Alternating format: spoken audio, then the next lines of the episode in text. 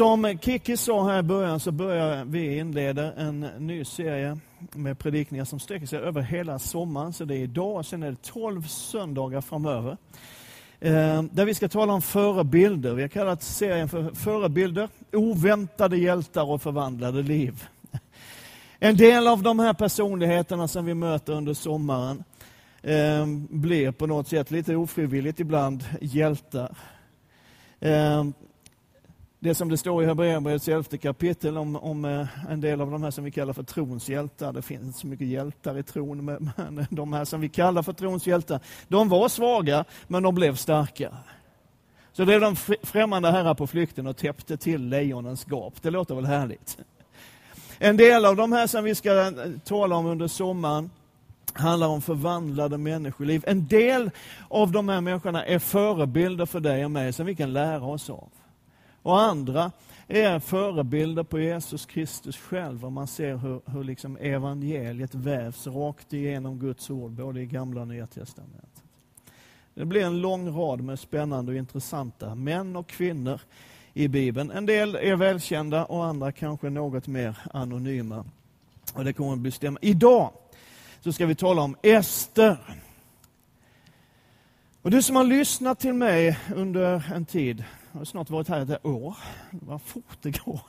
Ehm, du vet att jag väldigt gärna och ganska ofta talar om att Gud har en plan för ditt och mitt liv. Gud har tänkt någonting. Jag citerar väldigt ofta psalm 139 och 16. Alla mina dagar var skrivna i din bok, var bestämda innan någon av dem hade kommit. Ehm, och Jag tror att det är så. Och tänk om det är så. Jag vill att du tar med dig den tanken in i, i predikan idag. Tänk om det är så att det finns ett högre syfte för ditt och mitt liv än vad vi anar. Tänk om det inte är så att det är en slump att du och jag bor i Enköping och går till ena kyrkan och att Gud har kopplat ihop dig och mig och oss på något sätt. Tänk om det finns ett högre syfte med ditt och mitt liv. Esters bok är ganska speciell. Dels så är det en av två böcker i Bibeln som är uppkallad efter en kvinna. Av 66 böcker så är det två som bär en kvinnas namn. Vi får jobba på det, höll jag på att säga, men det ska vi kanske inte göra. Den andra är Rut, eh, som Elisabet kommer att predika om senare i sommar. Och Ester lever i det persiska riket, dit det judiska folket har blivit fört i fångenskap. Hon är andra eller tredje generationen, någonting sånt där, och vet antagligen inte särskilt mycket om något annat liv än livet i det persiska riket. Men Esters bok är också speciell på det sättet, och kanske allra mest speciell på det sättet, att det är den enda bok i Bibeln som inte nämner Gud. Det är lite konstigt, men så är det. Det står inget om Gud i Esters bok. Det är ingen som pratar om Gud, det är ingen som talar till Gud eller med Gud. Eller som det står beskrivet, i alla fall bokstavligt, hör någonting från Gud. Den enda liksom, andliga aktivitet, om man får säga så, som finns i Esters bok, det är att Ester utlyser några dagar om bön och fasta. Och Det där har lett till att både judiska och kristna teologer har haft lite problem med den här boken. Ska vi ha en bok i Bibeln som inte nämner Gud? Eh, och Det kan man fundera på. Och när jag har förberett mig, dels upptäcker man när man läser boken att Gud är där, även om det inte står liksom explicit uttalat så. Vi kommer att se på det. Men när jag har förberett mig för predikan idag, så har jag tänkt så här att det faktum att Esters bok överhuvudtaget inte nämner Gud. Och att den värld som Ester levde i såg ut att vara en väldigt sekulär värld. Det gör att på något sätt Esters värld påminner väldigt mycket om vår värld. Där människor lever som om Gud inte finns. Där var och en ser till sitt eget bästa och följer sitt eget hjärta och gör det som man har lust med när man vill och hur man vill och så mycket man kan. Och en värld där det för dem som tror på något sätt handlar mer om att hoppas att göra rätt än att höra Guds röst från himlen eller få en uppenbarelse i en brinnande buske. För på många sätt så är det det Esters bok handlar om, att välja det som är rätt. Jag vet inte hur det är med dig, men jag vet hur det är med mig och jag vet att i min natur så ligger liksom det nedlagt på något vis eh, en vilja att välja den enklaste vägen. Känner du igen dig i det? Jag tar väldigt gärna, om jag har att välja mellan olika saker, så tar jag ju väldigt gärna det som är lättast, som är enklast, som kostar minst för en själv. Att göra rätt är ibland svårare. Ibland kan det till och med vara väldigt svårt. Att vara självisk är lätt. Att vara osjälvisk kan vara svårt. Och att göra någonting för någon annan, det kan vara lätt om det inte kostar allt för mycket. Men att gå all in för någon annan, att riskera allt för någon annan, det kan vara rätt svårt. Och då och då i livet så, så kommer man i situationer som man liksom inte har bett om att hamna i, om du förstår vad jag menar. Och ibland i de här situationerna som man inte har bett om att hamna i, så finns det ett tydligt rätt och ett tydligt fel. Men priset kan vara väldigt högt för att göra det som är rätt. Det kan vara stora saker, det kan vara små saker, men ibland kostar det på att göra det som är rätt. Om det bland annat handlar Esters bok. Och det är som jag sa en speciell bok. Den är rätt långt ifrån den här Askungesagan som presenterades i söndagsskolan en gång för länge sedan. Och Det är fem personer som står i fokus. Dels är det kung Ahasverus. Eller som han också kallas, och som han kallas i den engelska bibelöversättningen, Xerxes. Det är rätt jobbigt att säga med två X, men det funkar ju. Kung Ahasverus, jag använder det eftersom det är vad som står i den svenska bibelöversättningen, regerade över det persiska riket mellan 486 och 465 f.Kr. Var god att anteckna det.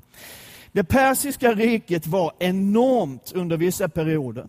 127 provinser, ända ifrån Indien, över Nordafrika och långt upp i Europa. Ett enormt välde. Och Många av er känner till hur det judiska folket i två omgångar blev bortförda i fångenskap. Först folket från den norra delen av Israel som blev bortförda till Assyrien och lite senare, eller ganska mycket senare, de som levde i Sydriket till den babyloniska fångenskapen. Och händelserna i Esters bok de utspelar sig efter det att ganska många judar har flyttat tillbaka till Jerusalem och Israel och man börjat bygga upp templet och muren och alltihopa där. Men det finns alltså judar kvar i det persiska riket och en av dem är Ester. Men den här boken handlar också om Vashti, lite kort i början. Hon är drottning, gift med Hasveros, men blir avsatt som drottning. Vi ska se på den storyn om en stund, det är intressant. Här finns Haman som blir kungens närmaste man och det är en riktigt slug och ond typ. Här finns Mordokaj, en jude som lever kvar i Persien, en ättling till de judar som eh, ett hundratal år tidigare har flyttat från Jerusalem till Babylon. Och så då Ester.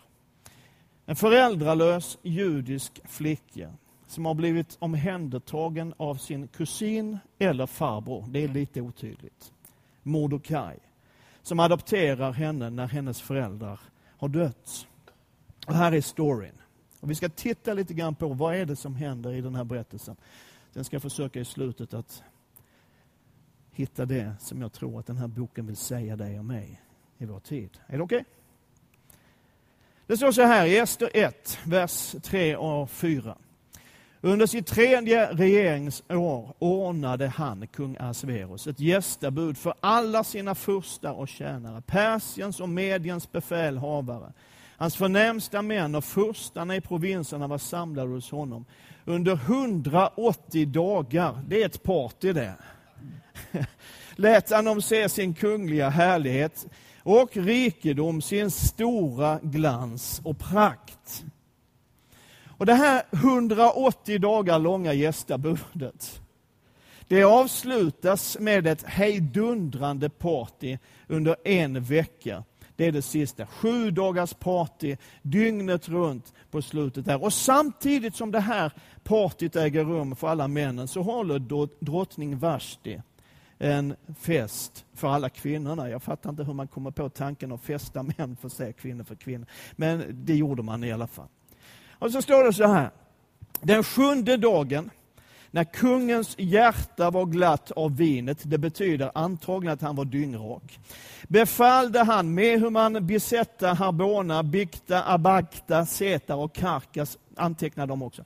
De sju hovmän som tjänstgjorde hos kung Ahasveros, att de skulle föra in, lyssna på det här, det här är galet. De skulle föra in drottning Vashti inför kungen med kunglig krona på huvudet, för han ville låta folken och furstarna se hennes skönhet, för hon var vacker att se. Me too. Men drottning Vashti vägrade att komma när kungen genom sina hovmän befallde henne det. Då blev kungen mycket vred och vreden brann inom honom. Och Det här leder till att Vashti blir avsatt som drottning. För man fruktade, står det, att hennes vägran att lyda sin man skulle sprida sig över hela landet. Så att ingen kvinna längre skulle underordna sig sin man. Man ger till och med ut en skrivelse över hela landet där det står lagstadgat att varje man ska vara herre i sitt eget hus Det är starkt.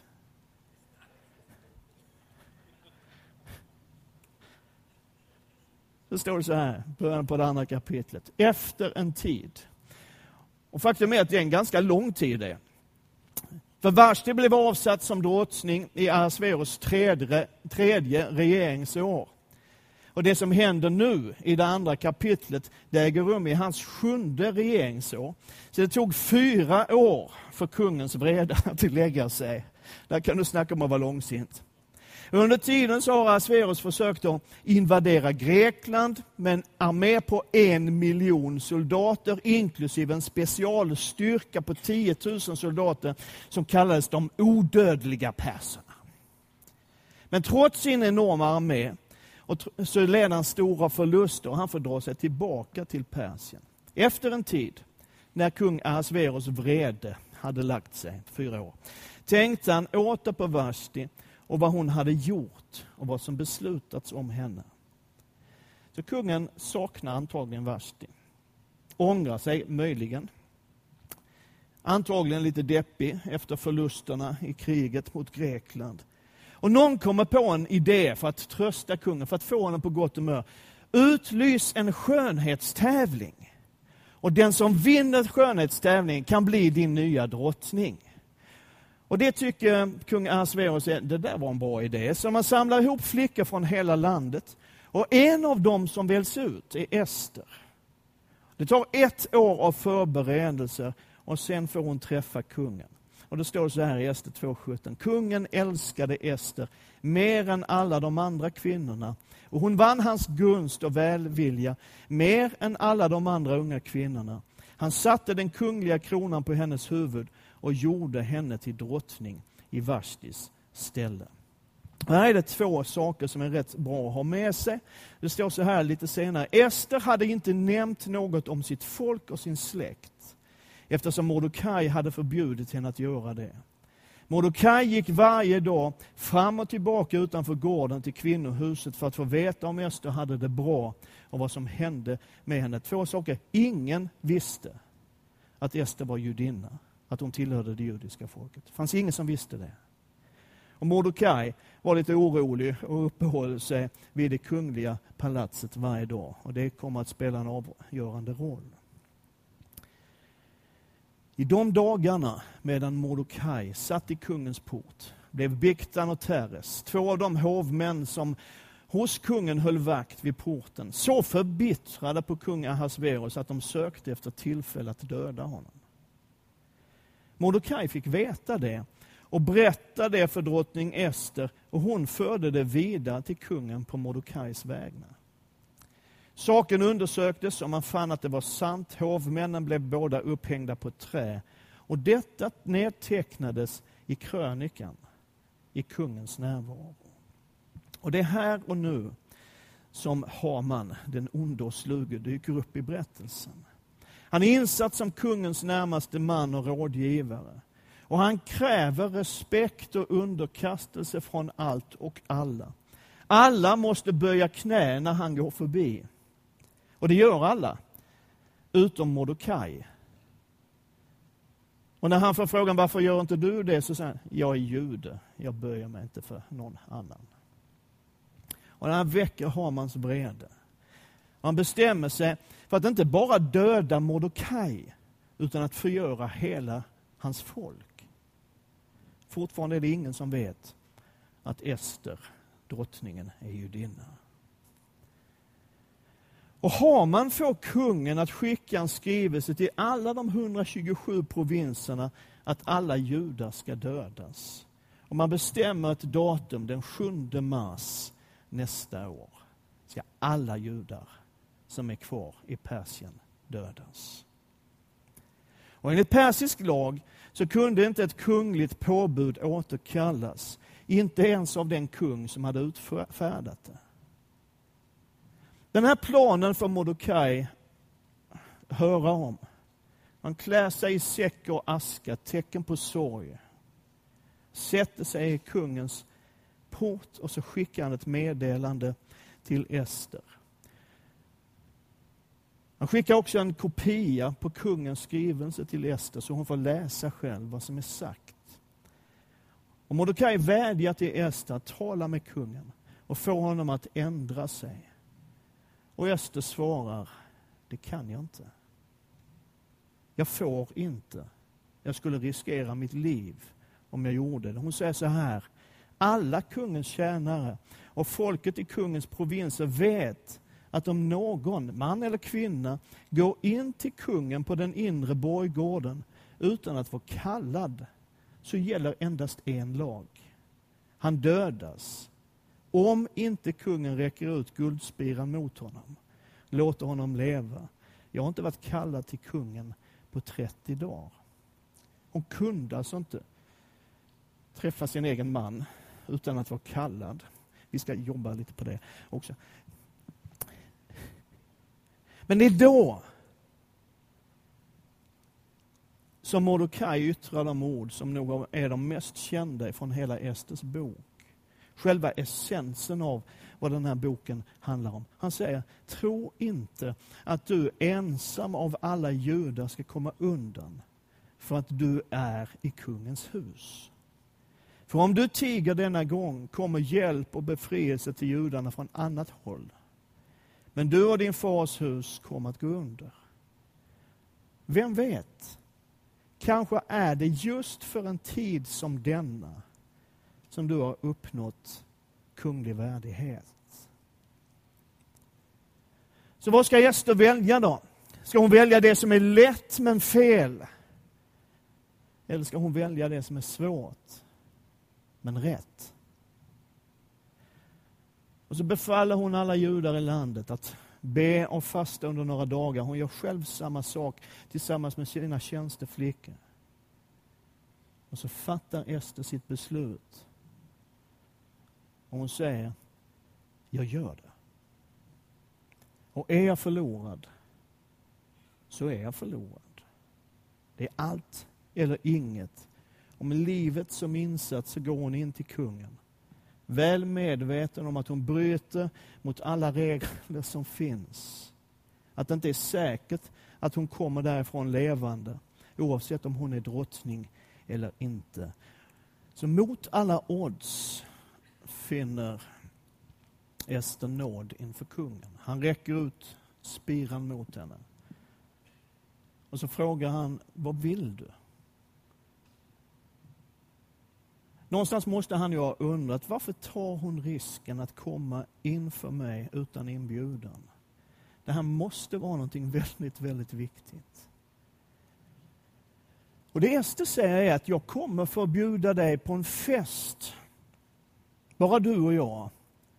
Men ta Haman med dig också. Antagligen förstår kungen att det här är någonting annat som ligger bakom. Han lovar att komma. Och när han kommer på den här festen så frågar han på nytt igen, vad är det du egentligen vill? Och Ester svarar, kom tillbaka imorgon på en ny fest och ta Haman med dig. Och då ska jag berätta. Och här börjar en mängd märkliga tillfälligheter inom citationstecken. Haman är förstås väldigt, väldigt stolt. Han har blivit bjuden på fest med kungen och drottningen och ingen annan fick komma. Det är stort. När han är på väg hem så möter han på nytt igen Mordokaj i porten. Och på nytt igen så vägrar Mordokaj att böja sig inför Haman. Så Haman när han kommer hem, han är rasande men han lyckas ändå behärska sig lite grann. Han har ju sin plan. Han går hem och skryter för sin fru, för alla sina vänner. Skryter om hur han har varit på middag med kungen och drottningen. Att han ska dit nästa kväll igen. Och han skryter om sina rikedomar, vilken hög ställning han har fått. Men han säger också att han, skulle, han, han kan inte vara riktigt nöjd förrän Mordokaj är död. Hans fru ger honom rådet att resa en 25 meter hög påle och begära av kungen att få hänga upp Mordecai på den. Det är tuffa grabbar de.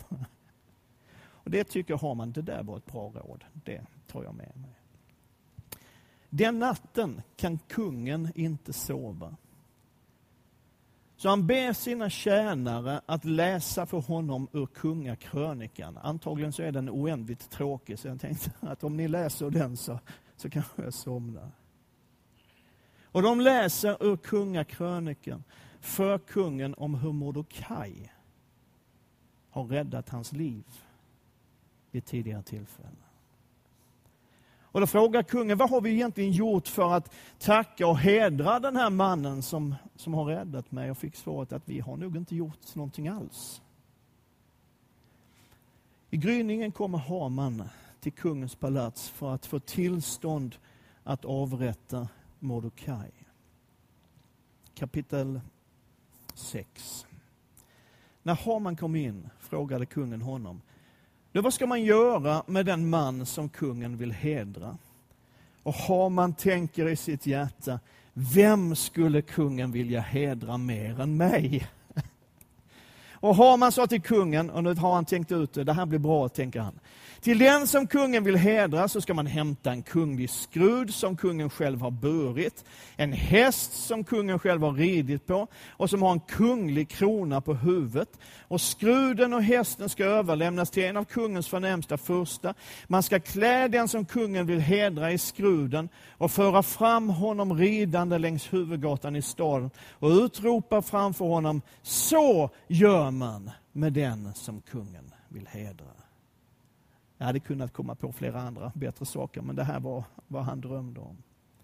Då sa kungen till Haman, skynda dig, ta skruden och hästen som du föreslog och gör så med juden Mordokaj som sitter i kungens port. Glöm inte något av det du har sagt. Och Haman måste ju verkställa kungens order och få göra allt det som har blivit, som har blivit befallt. Han är totalt förödmjukad, nedslagen, irriterad, frustrerad, uppgiven kanske, men på kvällen ska han ju i alla fall gå på middag med kungen och drottningen igen. Det har han kvar.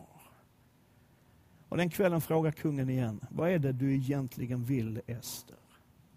Och nu svarar Ester, det jag egentligen vill är att du räddar mitt liv och hela mitt folk. Det jag vill är att slippa bli mördad. Det jag vill är att mitt folk ska slippa bli utrotat. Fortfarande är det ingen som vet att Ester är judinna, eller nu vet de. Man undrar egentligen, vad händer i huvudet på kungen? Vad är det här? Och vad händer i huvudet på Haman? För han visste ju inte heller. Vänta lite nu, ditt liv, ditt folk, och så berättar Ester om Hamans plan. Och Haman blir den som förs bort.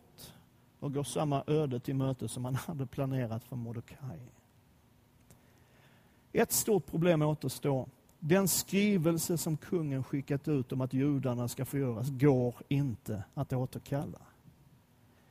Så kungen skickar ut en ny skrivelse. Och Den här gången så skriver han att judarna har rätt att försvara sig. Och Det blir ju på något sätt en signal om att kungen nog inte vill att den första skrivelsen ska gälla. I några fall så ger man sig ändå på det judiska folket, men då försvarar de sig framgångsrikt och vinner seger efter seger. Och grejen är att den judiska Purimfesten fortfarande idag firas till minne av de här händelserna. Och då är grejen, det här är storyn i korthet, den är mer utbroderad om du läser den själv. Men då har vi ändå en stor fråga kvar. Det här är väl kanske det viktigaste av alltihopa. Vad kan vi lära oss av Esters bok? Och Jag tror att det första och kanske viktigaste är det här att Gud har en plan. Han hade en plan för Esters liv och han har en plan för ditt liv. Det finns, tror jag, ett gudomligt syfte med att du lever här och nu. Att du är här för en tid som denna. Och att du är här på en plats som denna. Tänk om det finns ett högre syfte med ditt och mitt liv. Det andra jag vill säga det är att Esters bok visar att vi som tillhör Herren, vi lever för någonting som är större än oss själva. Vi är här för att förverkliga Guds planer och Guds syften. Och det finns någonting större än villa, Volvo och vovve. Det finns någonting större än living my dream. Vi kan få leva i Guds vilja, mitt i hans plan, i det han vill. Det tredje jag vill säga, det är att bön och fasta hjälper oss att fatta rätt beslut. Ester visste inte vad hon skulle göra. Och hon stod i en situation som hon inte hade bett om att hamna i. Och Det fanns ett rätt, åtminstone någonting som hon kunde ana var rätt. Men det var väldigt svårt. Och Hon var medveten om att hon riskerade allt. Att hon satte allting på spel. Hon behövde höra från Gud. Så hon utlyste en tid av bön och fasta och bad och fastade själv. Vet, I vissa tider, i vissa perioder av livet så har vi verkligen det nästan skriande behovet av att höra från Gud. Och vi behöver söka honom. I bön och ibland i fasta. Stilla oss inför honom och låta honom tala in i våra liv så att vi kan fatta rätt beslut. Jag vet inte var du befinner dig i livet, men kanske är du på en sån plats där du har ett viktigt beslut att fatta. Det kanske inte handlar om liv eller död, men det kanske är viktigt för dig, det kanske är viktigt för andra. Ta tid inför Gud och sök honom. Och för det fjärde så vill jag säga det här. Gud har kontroll. Det är rätt skönt, eller hur? Han styr omständigheter och han lägger till rätta. Inte alltid har jag märkt genom mitt liv. Inte alltid så att det ska passa mig. Men för att fullborda sina syften och sina planer. Jag pratade om att det dök upp en rad märkliga tillfälligheter i den här texten. Jag funderar över det här. Hur kommer det sig att en judisk flicka blir drottning i Persien. Vem är det som ligger bakom att Mordokaj råkade höra om planen att kungen skulle dö? Hur kommer det sig att kungen inte kunde sova samma natt som Haman gjorde upp planer för att avrätta Mordokaj? Och hur kommer det sig att av alla de berättelser som tjänarna skulle kunna välja att läsa för kungen, så valde de att läsa om hur Mordokaj räddade hans liv?